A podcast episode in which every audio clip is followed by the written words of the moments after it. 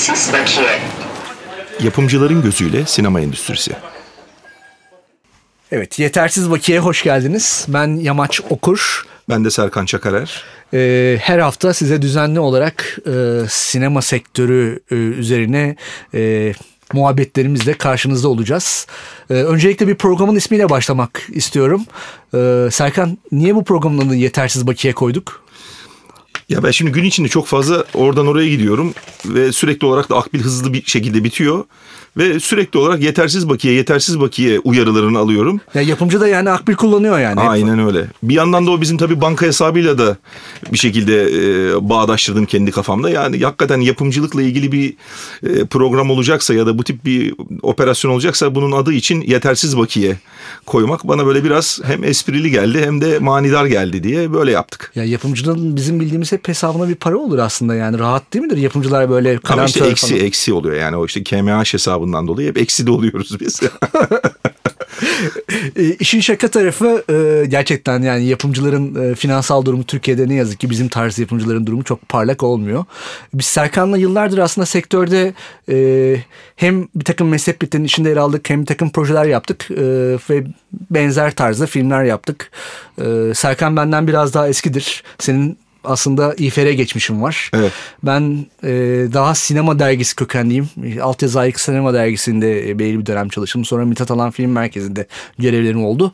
Daha sonrasında 2007 yılında aslında ben ilk film yaptım. Serkan sen herhalde e, Benim daha- biraz daha eski. Benim de işte 2009 yılında ben de şirketi kurdum. Ben de 2007 yılında aslında böyle biraz İFR'den ayrılıp daha böyle bağımsız yapımcılık diye adlandırdığım bir sürece geçtim.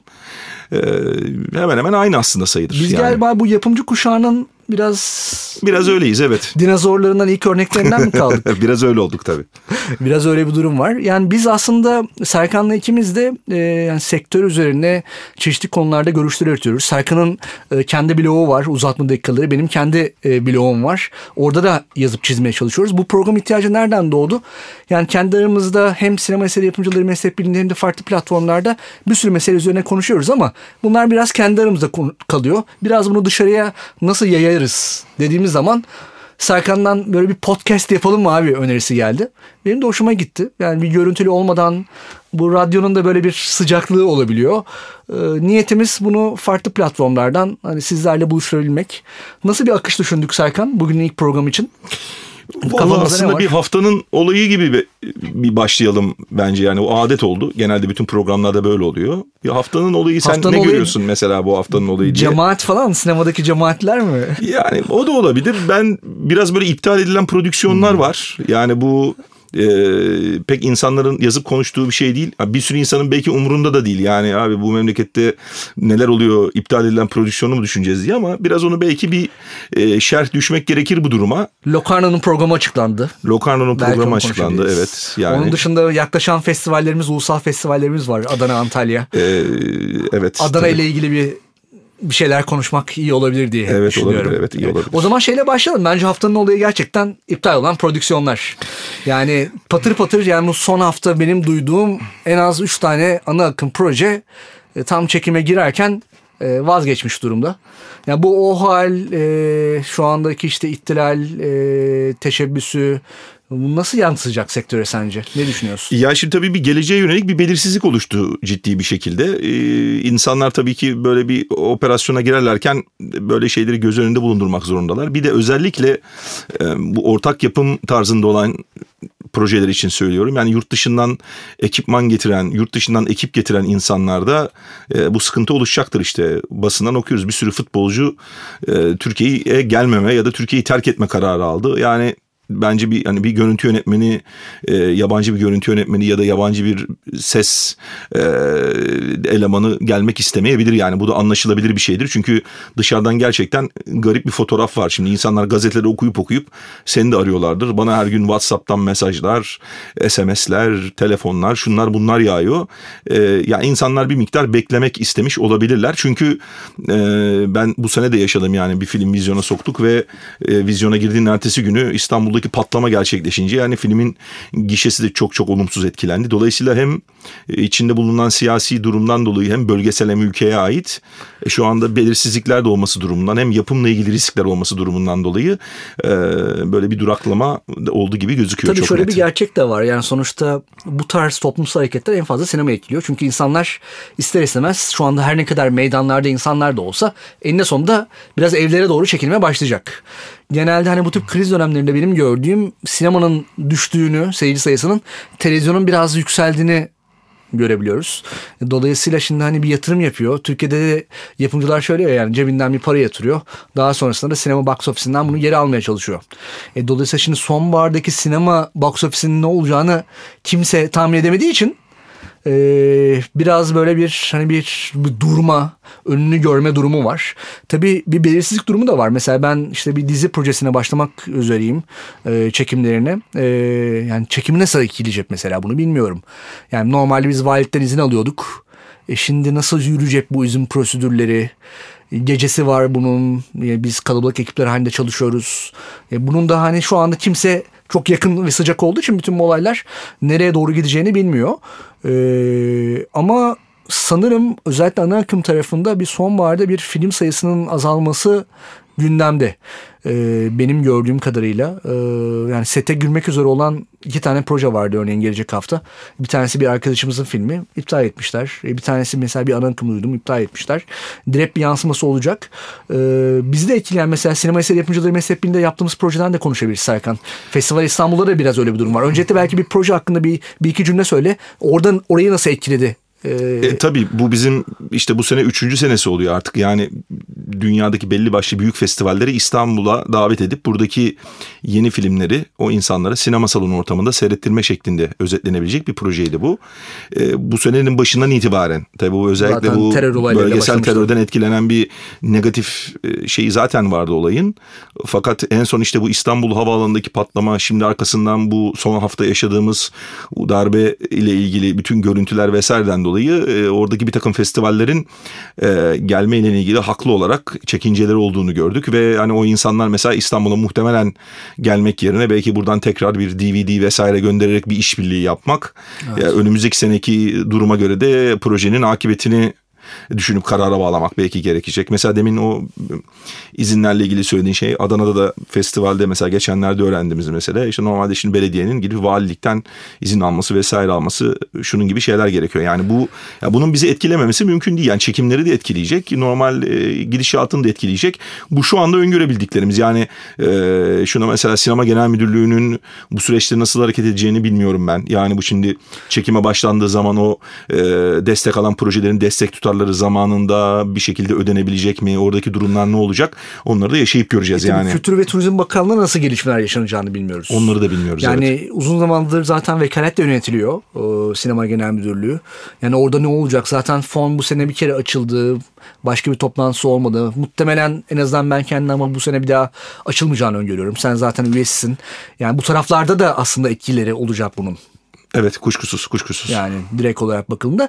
Tabii o hal aslında e, tam 12 Eylül darbesi sonrasında 83'te çıkan e, bir yönetmelik ve çok geniş kapsamda e, bakanlar kuruluna, Cumhurbaşkanı yetkiler e, tanıyor. E, bu yetkilerin de tabii ne kadar kullanılacağı önemli. Yani benim e, gördüğüm kadarıyla şimdilik hani biraz e, FETÖ ile bağlantılı dışında hani hayat daha böyle normal akacak gibi duruyor. Eğer bu hani biraz olumsuz sinyaller gelirse bence bunun etkileri sektörde daha artabilir. Umarım öyle olmaz. Hani biraz daha hani normal e, gider. Çünkü bu e, mevcut yönetmenin içinde, o hal yönetmenin içerisinde filmlerle bağlantılı da ciddi bir takım şeyler var. Yani filmleri istediği gibi film gösterimlerinin kesebileceği izinler konusunda. Bu yüzden bunların nasıl uygulanacağını biraz görmek lazım. Şimdilik en azından hani e, bizim çekimde olan diziler bir projemiz var. Orada bir hani şimdilik bir değişim yok. Onu söyleyebiliriz. Ama en büyük etkisi bence ekonomik olacak şu anda. Yani gözüken öyle. Yani biz de işte yapımcı olarak e, hayatımıza o hal görmedik demeyelim. Bir onu görmemiştik onu da görmüş olalım böylece. Burada da bir deneyim bir tecrübe vardır diyelim artık yani. Evet. Onun dışında bir Locarno programı dedim ben. Locarno'nun programı açıklandı ve Türk filmi yok. Evet. Yani ben şaşırıyorum aslında. Bu kadar hani bir üretim varken niye bu Türk filmleri giremiyor bu festivallere? Yani Locarno ile ilgili meseleye ben de biraz şaşırdım. Çünkü bu sene e, biliyorsun Match Me diye bir e, onların bölümü var. Oraya e, seçilen ülkelerden bir tanesi de Türkiye. Yine bizim sinema eseri yapımcıları meslek bilim projesi kapsamında Aynen öyle. Dolayısıyla oraya bir takım konuklar şunlar bunlar da gideceği için hani ben orada bir film olacağını düşünüyordum bu sene. Ee, ya bilemiyorum tabii yani belki yapımcılar tercih etmiyorlar orayı. Çünkü Locarno ile ilgili öyle bir sıkıntı da var. Yani son yıllarda mesela Locarno yarışmasında ya da ödül alan filmlerinde bu filmlerin dağıtıma girmesi, satışı vesairesiyle ilgili yani çok e, parlak bir performans göstermediği konuşuluyor bir süredir. Ya belki yapımcılar da hani belli başlı projeleri götürmek istemiyor da olabilirler. Ha, Türkiye'deki yapımcıların şeyini de ben biraz böyle görüyorum. Yani benim de kendi adıma şimdi Locarno hani her ne kadar festival olarak çok e, prestijli bir festival olsa da yani benim e, ilk e, ne bileyim öncelikli listemde yok. E, belki hani bundan dolayıdır. Oraya başvuran projenin profilleriyle ilgili bir şey olabilir. Locarno'nun tercihleriyle ilgili de değişen tercihleri olabilir ama hani şaşırtıcı gerçekten yani. Seninkine ek ben biraz bir bıkkınlık olduğunu düşünüyorum festivaller tarafından. Yani Türkiye'den hep benzer tarzda filmler geliyor. Ee, ve hani prodüksiyon kaliteleri de benzer bakıldığında bir, bir yani yaklaşık bir iki yıldır falan bir üretim sayısı yani baş, bakıyorsunuz kaç tane film başvurdu. Locarno'ya mesela 15 tane film izliyor. E bizim 15 tane iyi film yok. Bir orada da bir hani bir yılgınlık ve bıkkınlık var e, festival tarafında. Ama yine de şaşırdım. Yani ben özellikle bu sene bu Locarno'da bir bir ilk film olmasını beklerdim. Çünkü Locarno'nun bir ana yarışması var. Bir de ilk filmler yarışması var. Yani ilk filmler yarışmasına geçtiğim sene aslında Senem Tüzen'in ana yurdu filmi davet edilmişti. Fakat sonra Critics Week Venedik'e davet alınca Senem Tüzen tercihini oradan yana kullanmıştı. Hatta böyle küçük çaplı bir kriz de yaratmıştı Locarno ile e, aramızda. Yani çünkü önce oraya okeylenmişti. İşte bu da benim dediğim evet. şeye biraz beni destekleyen bir şey. Yani insanlar işte Venedik eleştirmenler haftasını Locarno'ya tercih ediyorlar yani. Çünkü Venedik her ne kadar şey olsa da daha belki yani cazip duruyor. Ha. Bilemiyorum yani ha. birkaç sebep olabilir. Venedik'te herhalde bir, bir hafta 10 gün içerisinde açıklanacak diye düşünüyorum. Evet. Onu da bekliyoruz. Yani orada da aslında... Yarışmada bir film olmayacak gibi gözüküyor gene. Evet benim aldığım duyumlar Horizonte'de bir film olacak gibi e, duruyor. Yani bu sene aslında böyle usta yönetmenlerden beklenen filmler var işte hani beklediğimiz. Semih Kaplanoğlu'nun Buğday filmi var. Reha Erdem'in filmi var. Pelin Esmer filmini bitirdi. Tayfun Pirselimoğlu'nun filmini yaptı. Yeşim Ustaoğlu'nun filmi Yeşim var. Ustaoğlu'nun filmi var. Onur Ünlü'nün filmi var. Aslında olabilecek bir takım filmler var. E umarım hani sayıca daha fazla film olur. Çünkü Venedik Film Festivali aslında Türk sinemasına son yıllarda epey bir ayırdı. Hem Sivas'ın hem de Abluka'nın başarıları oldu. Bu sene inşallah devam eder. İstersen haftanın olayını kapatalım. Haftanın olayı işte bu iptal olan prodüksiyonlar. İnşallah daha fazla film iptal olmaz. Daha fazla film izleriz. Bir gelecek programda bir konuşuruz. Yeni bilgiler var mı bununla ilgili. Peki şimdi her hafta bir tema seçeceğiz dedik seninle. İlk temamız da bizim aslında bu programı yapmamızla ilgili bir tema ve bu temayı da biraz yapımcı kimdir, Türk sinemasındaki yapımcı modeli nedir e, diye konuştuk. Yani biraz bizim de hani yapımcılığa bakışımızı anlatan bir model. Çünkü bazen ailelerimize bile anlatmakta zorlanıyoruz yaptığımız mesleği. E, bir konuşalım yani sen kimsin? Ne iş yaparsın? Ee, yapımcı kimdir sorusuyla başlayalım. Çünkü bu yapımcının kim olduğu sorusu da Türk sinemasında zaman içerisinde aslında biraz şekil değiştirdi. Yani Yeşilçam'daki yapımcı algısıyla şu andaki yapımcı algısı birbirinden farklı ama bir yandan da Yeşilçam izleyiyle devam ediyor. Çünkü genelinde baktığımız zaman aslında yapımcı eşittir finansör, para koyan algısı devam ediyor. Biraz bir konuşalım. Sen ne düşünüyorsun? Yapımcı kim? Şimdi aslında böyle geçen e, gene Ankara Film Festivali'nde de bununla ilgili böyle bir workshop oldu. Arada da bir iki kere bir yerde daha konuştum. Yani bana bunu sordukları zaman yani bu kimdir diye böyle bir eğretileme yapmak açısından ben e, işte bildiğimiz e, yönetim şeklinde işte yasama, yürütme, yargı kuvvetler ayrıldığını biraz sinemaya da e, adapte ediyorum. Yani bunu yasama, yürütme, yargı gibi anlatıp hani yasamayı biraz senaryoyla, yürütmeyi biraz yönetmenle, yargıyı da birazcık yapımcılıkla e, bağdaştırıyorum diyeyim. Yani bu bağlamda da aslında baktığınız zaman yapımcı bana göre e, bir film operasyonunda karar veren insandır. Yani karar sürekli karar vermek zorunda olan bir insandır ve e, bu kararlar doğruluğu yapımcının da ne kadar tecrübeli ve deneyimli olması ile ilgili ama deneyimsiz birisi de olsanız o karar vermeniz sürekli olarak hiçbir zaman değişmeyecek bir şey. Sürekli karar vermek zorundasınız. Yani devamlı düdük çalıp sahada elinizden bir karar vermeniz lazım ve bu şimdi biraz insan yadırgayabilir bunu ilk duyduğunda. Ne kararları, hangi projeyi yapacağınıza karar veriyorsunuz. Senaryo gelişim sürecinde varsınız. O filmi kimin yöneteceğine belki karar veriyorsunuz. Senaryoyu kimin yapacağı, oyuncular konusunda bütçenin sek bir sürü karar vermeniz gerekiyor ve yapımcının birinci şeyi bence karar vermek. İkinci olmazsa olmaz şeyi de unsur da yapımcılıkla ilgili bir film üretme sürecindeki en uzun arka sahip. Yani en uzun mesai yapan insan yapımcı. Yani diğer insanların tek tek e, işte senaristin, işte yönetmenin şunun bunun da filme çok ciddi katkıları var. Oyuncunun da keza böyle. E, ama şimdi bir oyuncuya baktığınız zaman hani provaları dışarıda bıraktığınız zaman filmi sadece çekim sürecinde varken yani yapımcı dediğiniz insan ortada bir senaryo yokken e, bu operasyonu başlatıp yani filmin vizyona girmesinden tutun da işte festival sürecinden tutun da borcu harcı varsa filmin yaşam süresi aynen boyunca öyle. yani, yani. her türlü şeyinden sorumlu olan kişi. Ee, şimdi e, Türkiye'de en çok konuşulan şey tabii bu para pul meseleleri. Yani yapımcı dendiği zaman direkt insan e, sanki yapımcı böyle para babası bir adammış diyoruz. Oysa bizim burada belki konuşurken adını koymamız gereken şey biz burada bir bağımsız yapımcı e, gibi bir kavramdan bahsediyoruz. Yani bağımsız yapımcı dediğimizde hani başına buyruk yapımcı anlamında değil de bağımsız yapımcı e, nedir? Biraz bu yapacağımız bu podcastların sonrasında benim aslında hedeflediğim şeylerden bir tanesi de bu tip e, bir kavramın da insanların kafasında e, oturacak olması. Bu bağımsız yapımcılıkla ilgili tabii bir durum. Şimdi e, Türkiye'deki bu yapımcılıkla ilgili en büyük sıkıntı şu. Abi Türkiye'de yapımcı yok ya. Yani sürekli olarak herkesin ağzından duyduğumuz mesele bizim bu. Ama şimdi bu tabii birazcık saçma bir şey. Çünkü hani Türkiye'de senarist var, Türkiye'de yönetmen var, Türkiye'de oyuncu var ve Türkiye'de yapımcı yok. Algısı biraz garip bir algı. Türkiye'deki bu yapımcılıkla ilgili yani kafada çok net bir şeyin olmamasının sebebi de birazcık aslında tam da bu yargıdan çıkıyor. Bu bir sebep mi? Türkiye'de yapımcı olmaması yoksa bir sonuç mu? Belki birazcık bunu düşünmek e, etmek lazım. Bunu ben hani bir sen hani ne görüyorsun yapımcının yaptığı işi sonra da ben dönüp hani okay. hakikaten Türkiye'de yapımcı gerçekten yok mu var mı ya da niye bu durum böyle birazcık ondan bahsedebilirim daha sonra. Ben de kendi alanımı bağımsız yapımcı kavramı bence kesinlikle doğru bunu konuşmalıyız. Ben de yaratıcılık ben de yaratıcı yapımcı kavramını çok kullanıyorum derslerimde de. Ee, İlk derse girdiğimde genelde şey yazarım. Sinema bir taviz sanatıdır diye böyle kocaman yazarım. Yapımcı aslında bu tavizleri belirleyen kişi. Yani çünkü sonuçta istediğiniz kadar bütçe olsun, ister X bütçe olsun, ister 100X bütçe olsun her zaman taviz veriyorsunuz. Çünkü ekiple uğraşıyorsunuz. Çünkü insanla uğraşıyorsunuz. Çünkü hava durumuyla uğraşıyorsunuz. Dolayısıyla bu tavizleri vermek önemli. O tavizleri veren kişi de en son kalitede yine işte senin aldığın kararlarla bağlantılı o kararları alan kişi. Fakat bu yaratıcılık kelimesi önemsiyorum. Çünkü yani yapımcılığı genelde dışarıdan baktığı zaman şey gibi görüyor insanlar.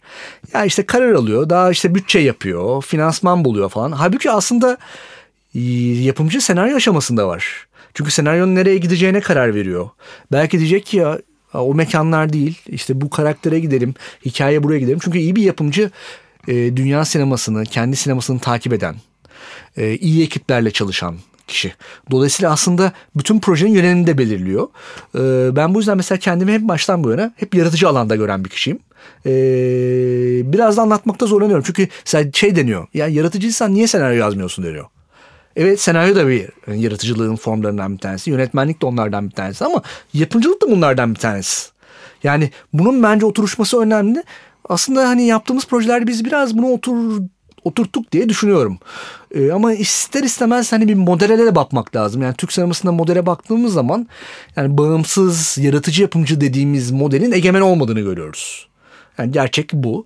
E, bunun da nedenleri var tabii. Yani bir e, ülke sinemasına baktığımız zaman bir ülke sinemasının hedefleri olması lazım. E, bizim hedeflerimizden bir tanesi böyle bir yapımcı kuşağı yaratmak değil.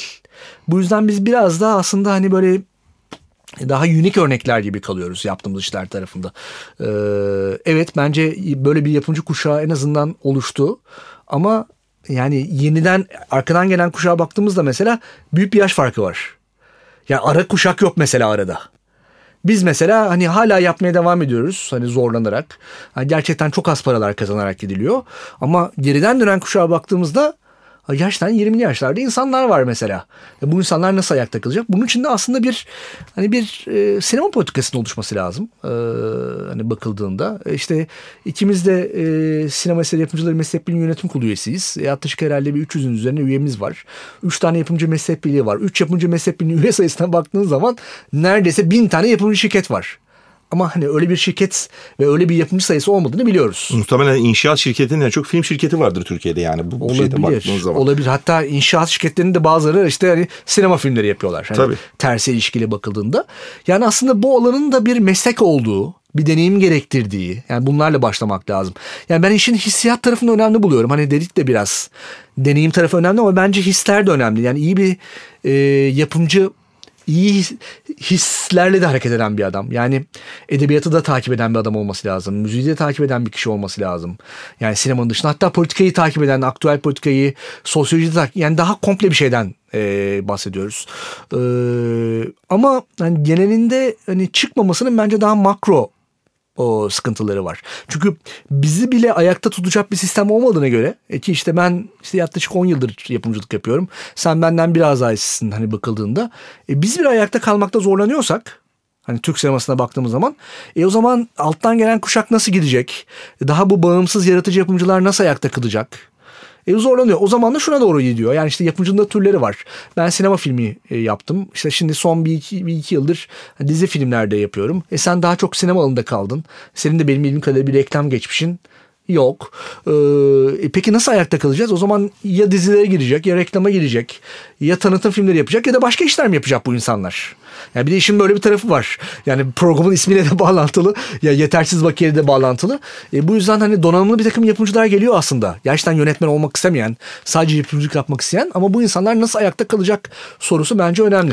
Şimdi 2000 e, zannediyorum 14 yılı sonu itibariyle çıkmıştı o rapor. Yani e, Avrupa'daki e, bu görsel işitsel enstitünün yaptığı Türkiye ile ilgili raporda bu çok hani son derece böyle keskin bir şekilde gösteriliyordu. Şimdi orada Türkiye sinema yapma ile ilgili sadece bir fonu olan o da sinema genel müdürlüğünün e, sinema yapım fonudur. E, bir ülkeyken Fransa'da bu sayı 46 idi. Şimdi bunun niye önemi var? Bunun şundan dolayı önemi var. Türkiye'de o bir tane fonu yani Kültür Bakanlığı fonunu bir bir alet edevat gibi düşün. Mesela bir tornavidaya benzet. Yani elinde bir tane tornavida var ve bundan elektriği, suyu, evin çatısını, damını her yere aktarman gerekiyor ve e, ve bu fona da bir kere başvurduğun zaman işte atıyorum fonu başvuruyorsun, filmini yapıyorsun, teslim edip hesabı kitabı kesiyorsun ve ondan sonra tekrar başvuruyorsun. Bu 3-4 yıllık bir süre işte. Seninle hep tartıştığımız mesele bu. Mesela ben hani Fransa'dan, Almanya'dan örnek vermiyorum. Mesela Polonya'daki yapımcı arkadaşlarımızla biz konuşuyoruz. Yılda 4 kere toplantı yapılıyor. Türkiye'de bir kere yapılıyorken o 4 toplantının her birine bu adamlar dörder tane projeyle başvurma imkanına sahipler.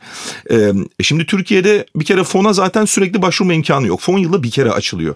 Başka bir uluslararası fon zaten. Artık e, fonun sonuçları da yani fon da böyle şeffaf yönetilen iyi bir değil. fon değil. Yani. Öğrenmacı hiç anlatmayayım o bence belki bir sonraki şeyin e, podcast'ın konusu olsun. Öğrenmacının hali bizim açımızdan ortada. Son, son iki kuruldur herhangi bir Türk desteği yok en azından e, bunu yok, söyleyelim. Olması da mümkün değil yani. Şimdi... E, Dolayısıyla böyle bir ortamda zaten yapımcının e, oluşacağı bir habitat yok. Sonuçta yapımcı belli bir senin de dediğin gibi bir, bir ortamda meydana çıkıyor. O zaman da insanlardaki para algısı şundan öyle oluşuyor. Ya zaten herhangi bir yönetmen ya da senarist de zaten Kültür Bakanlığı'nın fonundan istifade edebilirken adamın yapımcı ihtiyacı parayla entegre oluyor. Çünkü yapımcının da zaten yapacağı şey gideceği e, bir tane fon var. Halbuki burada başka fonlar olsa, yerel fonlar olsa, bir takım televizyonlar, şunlar bunlar ya da bir takım vergiyle ilgili teşvik teşvikler, bir takım sponsorlukla ilgili çalışan kurallar, kaideler olsa o zaman öyle bir ortamda yapımcı e, farkını yaratıyor. Mesela senin benim muhtemelen hala var olabilmemizin ya da var olduğumuzu iddia etmemizin sebebi yurt içiyle ilgili değil. Uluslararası fonlarla ilgili, uluslararası mekanizmalarla ilgili bağlantılarımızın, network'ümüzün olmasından kaynaklanıyor. Bizim de öyle bir network'ümüzün olmaması durumunda bizim de zaten Türkiye'de yaratacağımız bir fark yok. Ee, şimdi böyle olduğu zaman da insan dönüp şunu soruyor. E tamam yani eğer böyle bir ortam varsa o zaman işte senin geldiğin soruya geliyoruz. O zaman nasıl e, yeni bir jenerasyon oluşacak? Şimdi biz aslında bu tip uluslararası ortak yapımlara kafa patlatan, bunlarla ilgili girişimlerde bulunan ve bir şekilde bunları kotaran çok az sayıda insanlardanız. Evet, ilk jenerasyon biri o anlamda. İlk jenerasyon Sen örneğin EAV'nin üyesisin. ilk üyelerinden bir tanesi ee, Türkiye'de. Evet. Yani Şimdi bizden sonraki jenerasyona ben baktığım zaman bunların bir kısmının gerçekten hayatta kalma sıkıntıları yaşadığını, bir kısmının yönetmenliğe döndüğünü, bir kısmının bir yerlerde in-house çalışmaya başladığını, bir kısmının bar açtığını, kafe açtığını falan duyuyoruz şimdi. Arkadaşlarımız bunlar. E, bu da son derece normal. Şimdi bu kimseyi e, endişeye sevk edecek bir, bir durum. Mesela sinema genel müdürlüğü sence mesela ya Türkiye'de bir dakika abi bu yapımcı kuşağı yani gitmeye başladı. Yapımcımız yok bizim ne yapacağız gibi endişesi var mı? Yok. Bizim e, yapımcı meslek birliği olarak böyle endişelerimiz var vesairelerimiz var ama ha, bizim de imkanlarımız olanaklarımız son derece kısıtlı. Yani yasada herhangi bir değişme olmadığı sürece, bu destek mekanizmaları ile ilgili bir gelişme olmadığı sürece e, bu yapımcının bağımsız yapımcılığı projelerin olma ihtimali azalıyor. Dolayısıyla yapımcısı olmayan projelerin de uluslararası fonlardan e, bir şekilde istifade etmesi imkanı ortadan kalkıyor. İşte o zaman da bu Locarno ilgili söylediğin yere geliyoruz. O zaman sadece Kültür Bakanlığı parasıyla yapılan bir takım şahsi borçlarla yapılan e, filmlerin kısır döngüsüne giriyoruz maalesef. Yani Aynen. durum birazcık böyle. Burada seni keseyim. Biraz röportajları dinleyelim. Tamam. E, sokaktan. Sonra geri dönelim. Okey. Adın ne? Kazım. Barcelona Kapı'ya. E, sinema filmi yapımcısı kimdir? Ne yapar filmi yapımcısı? Yönetici gibi bir şeydir. Yöneticilik yapar. Film yapımcısı filmin çekimi için gerekli olan e, her şeyi temin edip maddi anlamda bunlara olanak sağlar. Birilerini keşfedip sonra onları dizilerde, filmlerde oynatır. Dizilerdeki oyuncuların e, oynadıkları dizilerdeki koordinatörlüğünü sağlar. Bence film yapımcısı film çeker.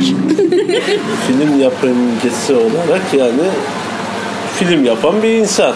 Yani hayal ürünlerini gerçeğe çeviren bir insan gibi bir şey yani. Yani öyle yani. Bir film yapımcısı ne yapar? Rakı içer. Rakı içer. Evet. İşi nedir yani? İşi nedir? Yani film yapmaktır, film yönetmektir. Ee, ne bileyim, belgesel çekmektir. Gününü nasıl geçirir yani? Gününü nasıl geçirir? Hayatı takip eder bence. Gündemi takip eder. Ya Serkan e, yapımcı algısı enteresanmış bu toplumda ya. Yani Tabii canım ben zaten kimseye yapımcıyım falan demiyorum. Bana sordukları zaman apartmanda orada burada ya, sinema işiyle uğraşıyorum diyorum.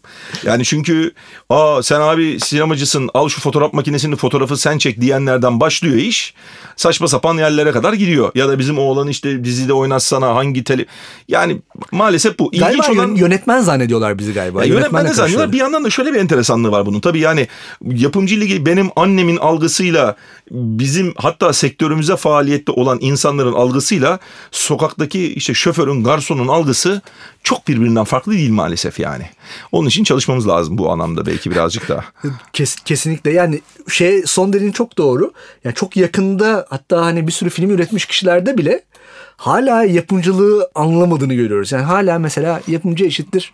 Abi ortak yapımdan ne kadar para çıkar? Nasıl çıkarılır falan. Yani o hani olayın sonraki boyutu Oraları bile hala anlamamış bir sürü sektörde insan var. Bana enteresan geliyor.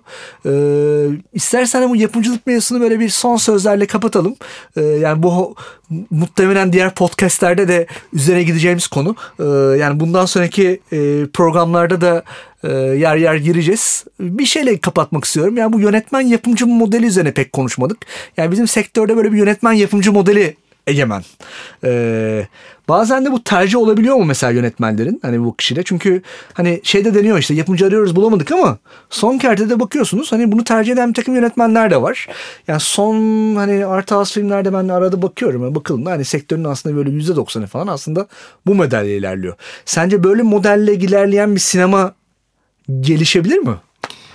Yani ben şöyle söyleyeyim daha da fazla söylemeyeyim ne demek istediğimi anlayacaklardır. Bu yargıya müdahale eden yürütmenin olduğu bir e, politik modele benziyor. Yani bu model üzerinden e, ben çok işlerin yürüyebileceğini düşünmüyorum. Ben hatta senarist yönetmen e, meselesinin bile problemli olduğunu düşünüyorum. Mümkün olduğu kadar kuvvetler ayrılığı dediğimiz şeyin sinemada da olması gerektiğini, bir e, yönetmenin bir senaristle çalışabilme, e, bir yapımcıyla bir arada olabilme, yapımcının da gene senaristin ve yönetmenin ihtiyaçlarını optimum düzeyde yerine getirebilme ve buradan sağlıklı bir film elde etme. Ya bu bir ekip işi. Yani sinema diğer dallardan, diğer görsel işitsel dallardan böyle bir farklılığı var. Ee, burada insanın sayısı arttıkça yaratıcı insanın sayısı artacağı için bu sonuçta kol gücüyle yapılan bir iş değil.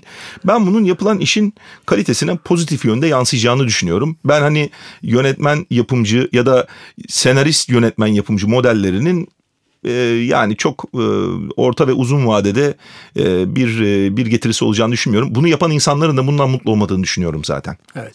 Bir de ben son olarak hani çok önemsediğim bir şey olduğu için yani bu proje geliştirme alanını çok önemsiyorum. Yani biz yapımcılar için en önemli alanlardan bir tanesi. Belki bu yapımcı kuşağın oluşmamasını sağlayan şeylerden bir tanesi de o. Avrupalı meslektaşlarımızla kıyasladığımızda kendimiz Avrupalı meslektaşlarımızın çoğunun aslında bu development proje geliştirme fonlarından faydalandığını işte Creative Europe'da veya kendi ülkelerinden fonlarından faydalandığını düşünüyoruz. Halbuki bizim hiç öyle bir alanımız yok. Örneğin ben bir proje geliştireceksem yılda diyelim ki 7 tane uzun metraj proje geliştireceğim. Tamamen kendi cebimden bunu kendi birikimle geliştirmek durumdayım. Halbuki Avrupa'da buraya hani proje başına 30-40 bin euro bazen 100 bin euroya kadar bir takım geliştirme fonlarından destekler alınıyor. Bu da aslında sonraki projenin gelişimini etkiliyor. Çok daha sağlıklı projeler oluşacağı anlamına geliyor.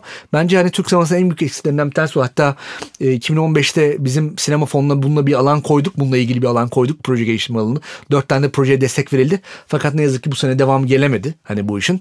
E, Çünkü bu da, onun, onu, o desteğin ne işe yaradığı ve fonksiyonun ne olduğu maalesef anlaşılamadı. Sektör tarafından anlaşılamadı aynen, yani. Aynen. Biraz işte bu Creative Europe'da da olmaması, Yaratıcı Avrupa programında da olmaması Türkiye'nin bence bir handikap. Çünkü biraz bu yapımcılığın ne olduğu proje geliştirmeyle ortaya çıkan bir şey daha da iyi olabilirdi. Yılmamak lazım. Yani film yapmaya devam ediyoruz.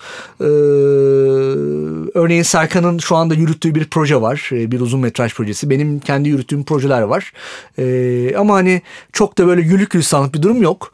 Ee, senin bir söylemek istediğin bir şey var mı bu konular üzerine son? Ee, bence ilk gün için iyiyiz. Ee, önümüzdeki podcast'ın konusu da birazcık belli oldu gibi. Yani aslında bu yapımcıların elinde nasıl e, e, alet edevat çantası olabilir? Nedir o alet edevat çantası dediğimiz şeyler? Yani sadece bir fon değil, uluslararası yapımcılar ne tip e, modeller kullanıyorlar? Evet, bir öremaja girelim ama bir öremaj dosyasına açalım. Önümüzdeki bence. hafta ona da girmiş oluruz. E, ve diğer başka finansman modelleri neler? Yani e, biraz bilim kurgu gibi olacak ama hani bunlar şu anda hala dünyada geçerli olan şeyler. Nelerin nelere sahip olmadığımızı, nelere sahip olabileceğimizi aslında istersek bunları da birazcık konuşuruz. Evet. Bu arada hani programın tabii bu tip programların interaktif hale gelmesi önemli. Yani sizlerden de konu hakkında soru, e, bir takım öneriler olursa bunları açığız. E, podcastlerle bağlantılı açıklama alanında bir e-mail vereceğiz size. Oradan görebilirsiniz. Onun dışında bu programın kaydını e, Medica'da yapıyoruz. Medica'da şu anda bir kırmızı salonda ses kaydı alıyoruz. Ses kayıtta Serkan Köseoğlu arkadaşımız var. Hem Medica'ya hem de Serkan Bey'e katkılar için teşekkür ediyoruz. Ben Yamaç Okur. Ben de Serkan Çakarer. Bizi dinlediğiniz için teşekkür ediyoruz. Haftaya görüşmek üzere. İyi haftalar.